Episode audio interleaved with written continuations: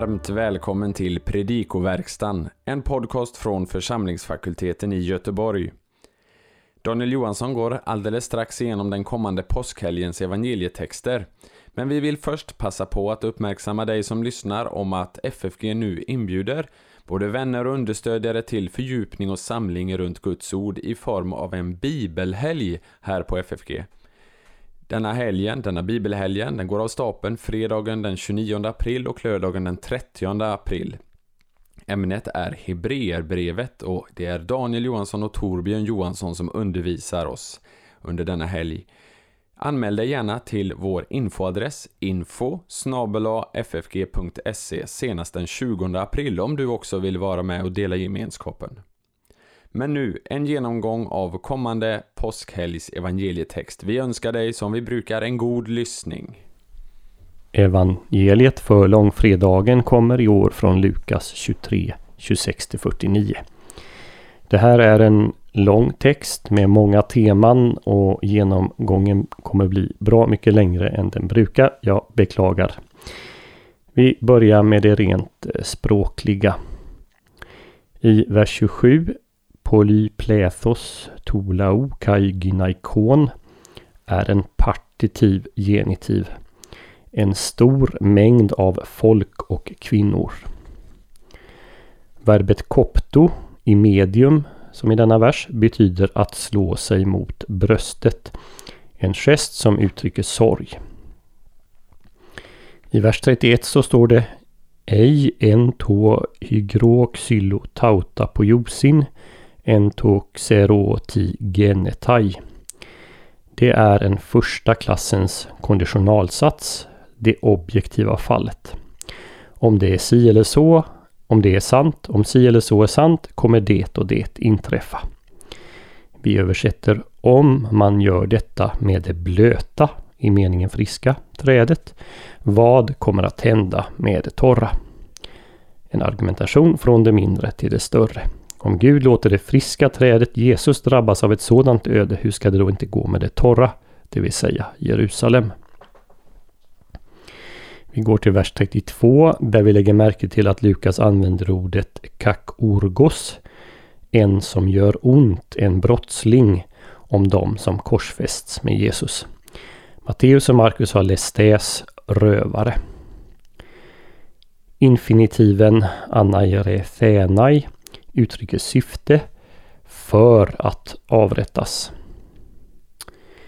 I vers 35, verbet ekmykterizo har som grundbetydelse att rynka på näsan.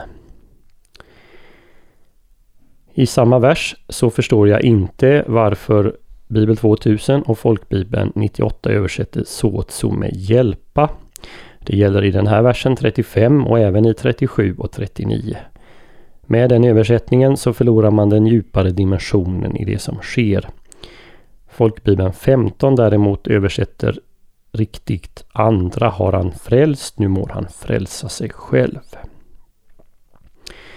I vers 39, verbet eblasfemei som har som grundbetydelse häda översätts av de svenska översättningarna med smäda, håna eller skymfa. Eh, men med tanke på att, Jesus adress, eh, att det är Jesus som adresserats så skulle man nog önska en nyans av hädelse i översättningen. Ur evangelistens perspektiv hädas Jesus när han ifrågasätts som Messias. Eh, I brottslingens fråga som introduceras med ogi Eh, förutsätts ett jakande svar. Är du inte Messias? Jo. Vers 40. Apokrytheis DH heteros epitimon auto effe blir ordagrant. Men den andre svarade och sade under det att han tillrättavisade honom. I samma vers uttrycker Hotti orsaken till att brottslingen ska frukta Gud eftersom du är under samma dom. Det här framgår inte riktigt av de svenska översättningarna. I nästa vers 41 understryker konstruktionen hemeis med dikaios, hotos, de. Kontrasten mellan brottslingarna å ena sidan och Jesus å andra sidan. Vi har underförstått dömts riktigt eller rättfärdigt men denne har inte gjort något oriktigt. Den däremellan instoppade satsen Axia gar hon epraxamen apolambannomen är lite småkrånglig att översätta. Axia är ackusativ objekt till apolambannomen. Vi tar emot det som står i överensstämmelse med det vi är värda. Hån introducerar en relativ sats som saknar korrelat, alltså något att syfta tillbaka på. Det borde egentligen ha stått i ackusativ eftersom det också är direktobjekt till epraxamen. Men det hämtar istället sitt kasus från ett underförstått korrelat som skulle stått i genestiv bestämning till axia. Och då får vi Vi tar emot det som vi är värda för det vi gjorde. Ehm, I vers 43 så finns i Codex Vaticanus en liten intressant punkt emellan orden Sämeron och Mätt. Troligen står där en punkt för att lösa den motsättning man kunde uppleva mellan löftet som Jesus gav till brottslingen om att denna dag vara med honom i paradiset och bekännelsen att Jesus hade nedstigit till dödsriket. Förföljer man punkteringen i Codex Vaticanus så får man Amen, jag säger till dig idag. Du kommer att vara med mig i paradiset. Neslalan 2728 sätter ett komma före Sämeron för att markera att Sämeron tillhör innehållet i löftet Du kommer idag vara med mig i paradiset. I eh, vers 44 översätter Bibel 2000 av folkbibeln Tengen olika. Bibel 2000 med hela jorden, folkbibeln hela landet. Vers 45, to helio ek lipontos, är en genetives absolutus som anger orsaken till att det blir mörkt. Eftersom solen blev mörk. Det här framgår bäst i Bibel 2000. I vers 47, centurionens bekännelse att Jesus var dikaios, rättfärdig, skulle kunna innebära att han ansåg Jesus för oskyldig. Eh, och att man därför också kanske skulle översätta med oskyldig. Men mer troligt är ändå att Lukas vill kommunicera till sina läsare att Jesus var den verkligt rättfärdiga människan. Och därför bör vi nog översätta som våra svenska översättningar med rättfärdig. I vers 48 uttrycker epiten theorian syfte för spektaklet. Theoria är ett hapax legomenon, alltså det uppträder bara här i Nya Testamentet. Betydelsen är skådespel eller spektakel. Hela satsen kai pantes hoi och ochloi epiten theorian tauten översätts och alla skarorna som kommit samman för detta spektakel. Typtontes ta stäthe hyp estrefon betyder de återvände medan de slog sig mot bröstet. Ett uttryck för förtvivlan.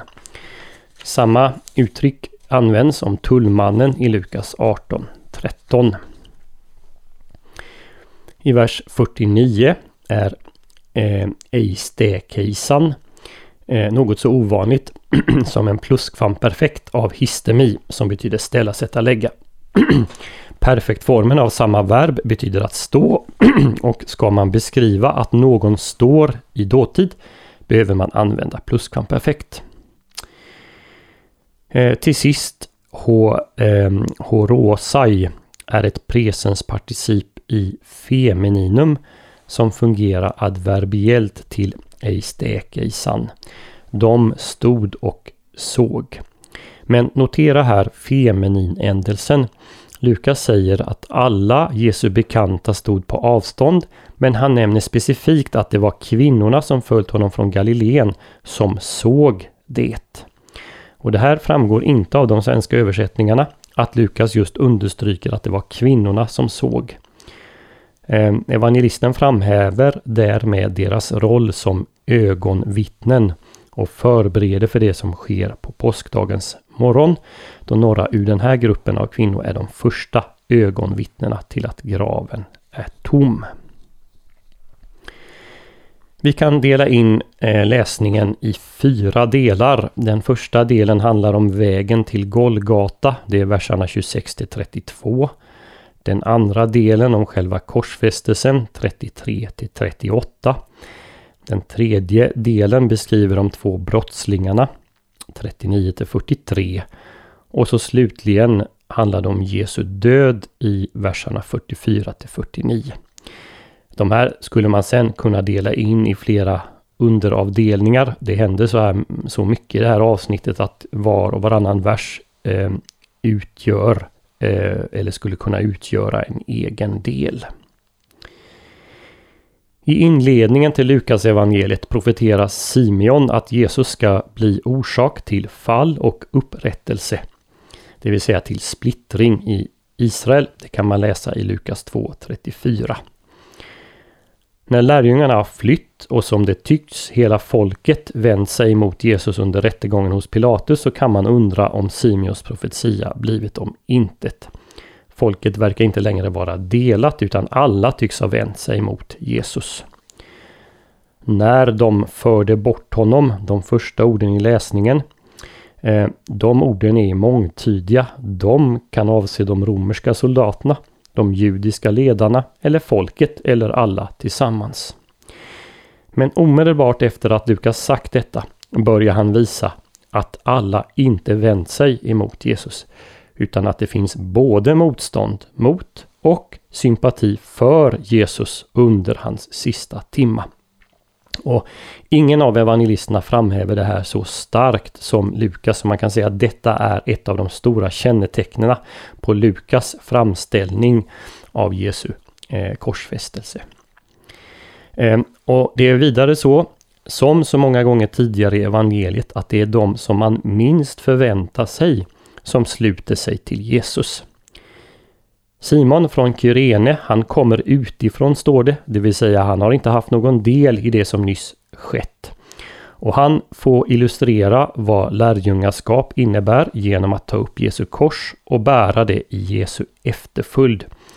Jämför här med vad som står i Lukas 9.23 respektive 14.27. Vidare understryker Lukas att många ur folket följer Jesus och att kvinnorna i den här stora gruppen på typiskt sätt sörjer genom att slå sig mot brösten och klaga högljutt eller sjunga sorgesång som man också kan översätta det som beskrivs i vers 27. Och den splittrade inställningen till Jesus illustreras kanske allra klarast av de två kriminella som korsfästs tillsammans med Jesus. Den ene hånar Jesus på samma sätt som folkets ledare och soldaterna Notera hur alla använder frälsningsspråk i verserna 35, 37 och 39. Den andra brottslingen tillrättavisar den förste, förklarar att Jesus är oskyldig och ber om Jesu förbarmande. Även soldaterna är splittrade. De eh, soldater som hånar Jesus i ord och handling, vilket beskrivs i verserna 36 och 37, de kontrasteras av officeren eller centurionen som när han ser Jesu handlande och död förklarar att Jesus var rättfärdig. Lukas berättar också att mycket folk även var samlat vid korset och att de reagerar på händelserna med bestörtning.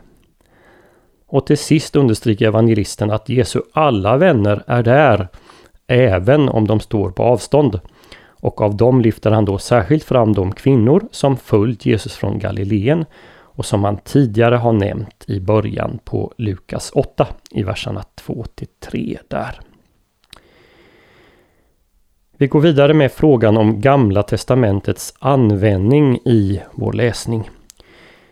I strikt mening finns inga citat som introduceras med hänvisning till GT eller dess uppfyllelse, som det till exempel finns i Johannes 1924. Eh, och som även är fallet i Lukas 22 37 där Jesus uttryckligen citerar från Jesaja 53.12 i vad som är hans sista lidandesförutsägelse innan han går ut i ett semane. Så där har vi ett citat. Men alltså inga direkta eh, citat introducerade som sådana i vårt avsnitt. Men däremot är det rikligt med lån ifrån Gamla Testamentet och även anspelningar därpå. Vi tar dem i tur och ordning. I vers 27 så påminner Lukas beskrivning av de sörjande kvinnorna om vad som står i Sakarja 12, 10-14. Notera också att innehållsligt så bildar denna vers ett inklusio med läsningens näst sista vers. Vidare är beteckningen Jerusalems döttrar en gammaltestamentlig beteckning på de som bor i Jerusalem. Eh, läs till exempel Höga Visan 2.7, Mika 4.8 eller Sakarja 9.9.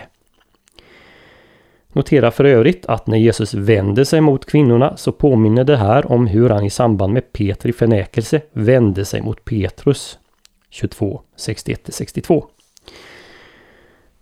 Den profetia som sen följer eh, och som vänder upp och ner på invanda föreställningar eftersom Jesus där prisar de ofruktsamma. Eh, den citerar i sin andra del ifrån Hosea 10.8. Där det står det ska säga till bergen och så vidare. Nästa citat eh, känner vi igen ifrån de andra evangelierna och det är citatet från Saltaren 22.19 när Jesu kläder delas omnämnt i vers 34 hos Lukas. Det språk eh, som används om hånandet av Jesus är troligen också hämtat ifrån psalm 22 och då tänker vi särskilt på vers 8. Vidare lägger vi märke till hur de judiska ledarna talar bättre, långt bättre än de själva förstår när de på olika sätt smädar Jesus. I vers 35 talar de hånfullt om honom som den utvalde, vilket ju är en hänvisning till Jesaja 42.1, eh, den första av Jesaja så kallade tjänarsånger. Eh, och som det också anspelas på för övrigt i Lukas 9.35. Det djupt ironiska i detta är ju att dessa tjänarsånger till slut talar om en lidande tjänare. Jesu fiende kräver vidare att han ska bevisa vem han är genom att frälsa sig själv. Något som står i djup motsättning till den 22 salmen i vilken det står att det är Gud som frälser den lidande. I nästa vers 36 anspelar soldaternas handling när de ger Jesus surt vin på Psaltaren 69, vers 22. Och hoppar vi fram till vers 42 ehm, där den botfärdige rövaren ber Jesus Tänk på mig så är också det ett eko från de frommas böner i Gamla Testamentet.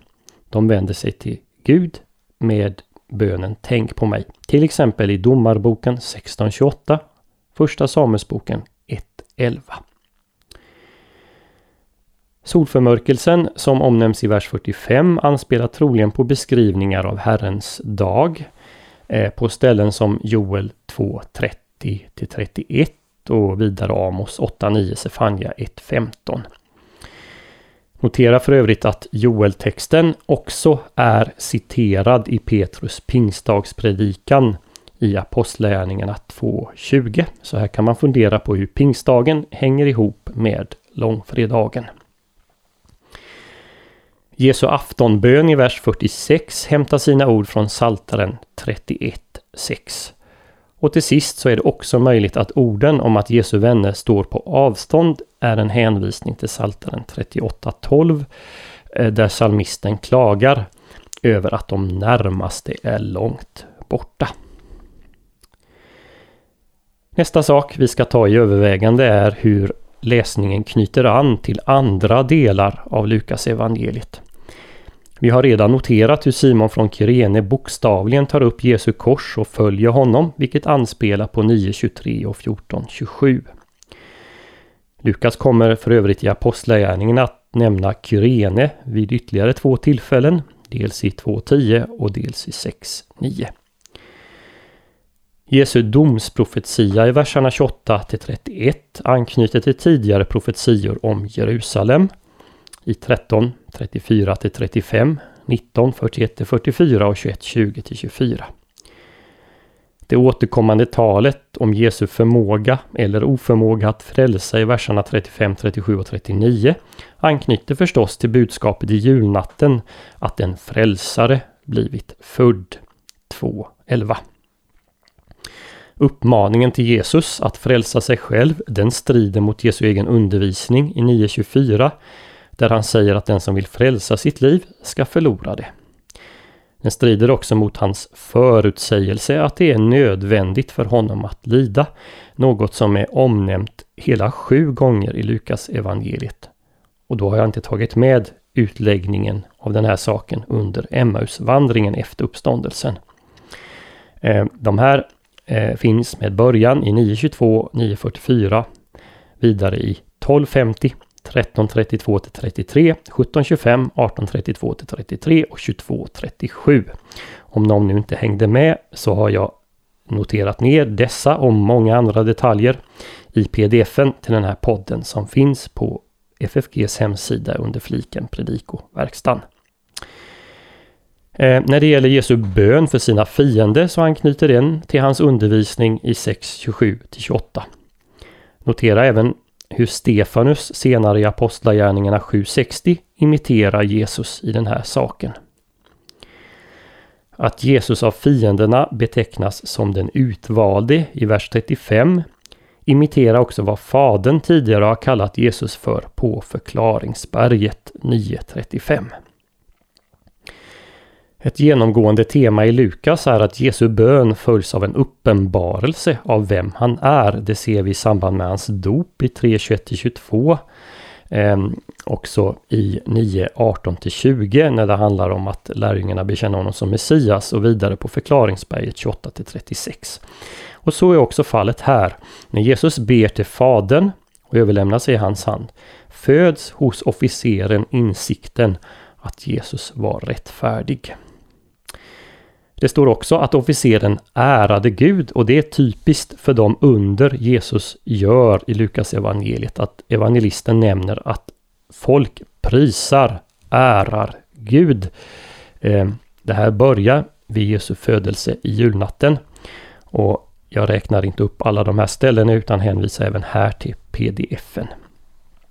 Men Lukas tog det här med indikera att Jesu död är ett under ja kanske det största av alla, för det leder till en riktig insikt om vem Jesus är och till lovprisning av Gud.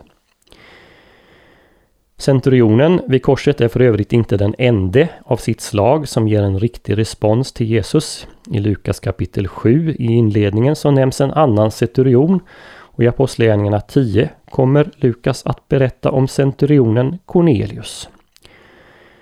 Slutligen så nämner vi kvinnorna vid korset. Lukas har nämnt dem i inledningen på kapitel 8 och de kommer sedan att omnämnas i samband med Jesu begravning i några verser senare här, 55 56 och på påskdagens morgon 24.1 och framåt.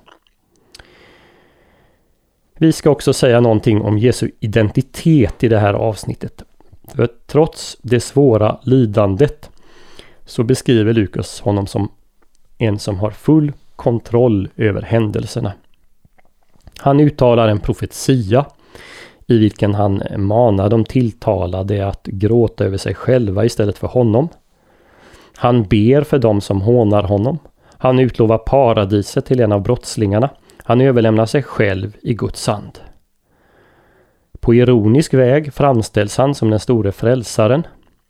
Han ger i enlighet med sin egen undervisning sitt liv för att frälsa det och andra. Han erbjuder sin förlåtelse och han frälser den ene brottslingen. Han adresserar Gud som sin far vid inte mindre än två tillfällen. Fader förlåt dem, Fader i dina händer. Och han bekänns vara rättfärdig. Ett tema som sen eh, tas upp i Apostlagärningarna kapitel 3, vers 13 till 14 och som samtidigt anknyter till Jesaja 52.13 till 53.12. Så underförstått, Jesus är den lidande tjänaren, den rättfärdige som lider oförskyllt. Och även om här eh, eh är ett fokus på vad som sker med Jesus så har avsnittet samtidigt en väldigt teocentrisk karaktär. Gud nämns inte mindre än fem gånger i verserna 34, 35, 40, 46 och 47. Och två av de här gångerna adresseras han som fader. Det här är en påminnelse om att Guds plan verkligen sker i det som händer och för det får Gud till sist äran av den romerske soldaten. Hur hjälper då till sist Lukas läsaren att uttolka Jesu död? Vad är meningen med den?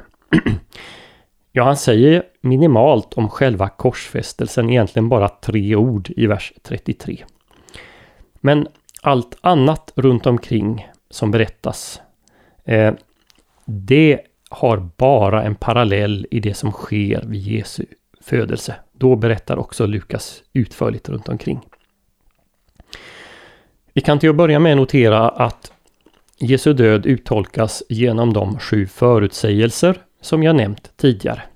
Och den sista i 22.37 är särskilt viktigt, viktig eftersom den uttryckligen citerar ifrån Jesaja 53. Till den här kategorin hör också Jesu uttolkning av sitt lidande under Emmausvandringen som sedan följer i kapitel 24. Och om någon nu tycker att Lukas är förtegen om vilka skriftställen Jesus verkligen hänvisade till under vandringen så beror det på att Lukas sparar dessa till apostlarnas undervisning i apostlagärningarna. Där tar de upp de skriftställen som Jesus själv utlagt för dem. Så vill man fördjupa sig i det, då får man läsa talen av Petrus och Stefanus och Paulus med flera. Men eh, Jesu korsfästelse uttolkas också genom de händelser som sker i anslutning till det. Vi har dels mörkret och vad som sker med förhänget i templet. Notera här för övrigt hur Lukas sänker tempot i berättelsen genom att ange tiden i vers 44.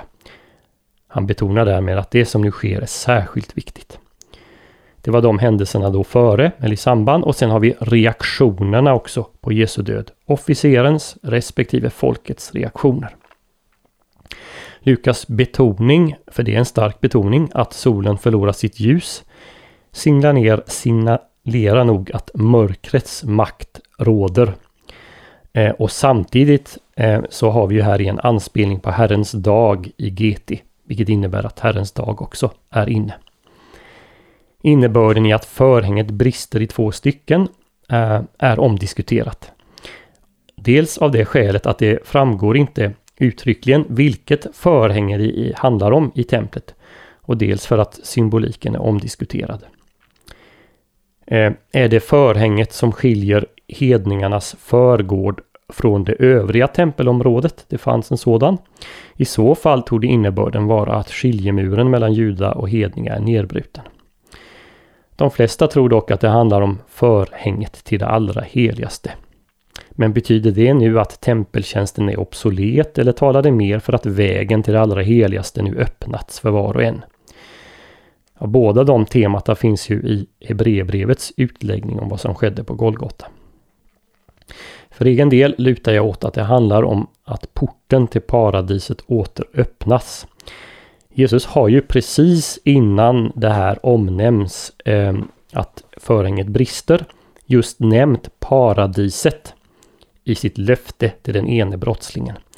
Och paradiset det nämns för första gången i den grekiska översättningen av Bibeln, Septuaginta, i första Mosebok 2.8 när Gud skapade det. Och så står det i första Mosebok 3.24 att vägen till paradiset stängts av keruber. Och det var just keruber som var avbildade på förhänget till det allra heligaste. De vaktade vägen dit. Eh, allt det här leder till att jag tänker att det i första hand är vägen till paradiset som öppnas genom Jesu död. Till sist något om officerens respektive folkets reaktion på Jesu död. Lägg först märke till att beskrivningen här är helt parallell när centurionen respektive folket såg vad som hände prisade han Gud medan de återvände hem under det att de slog sig mot brösten. Vi ser alltså representanter både för judar och hedningar på plats.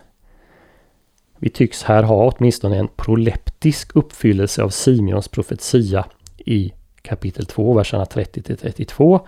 att Jesus ska bli till frälsning för alla folk, judar och hedningar. Hedningen prisar Gud och bekänner Jesus. Judarna återvänder, ett ord som också betyder omvändelse. Eh, och de återvänder under det att de använder samma gest för ånger som publikanen i templet.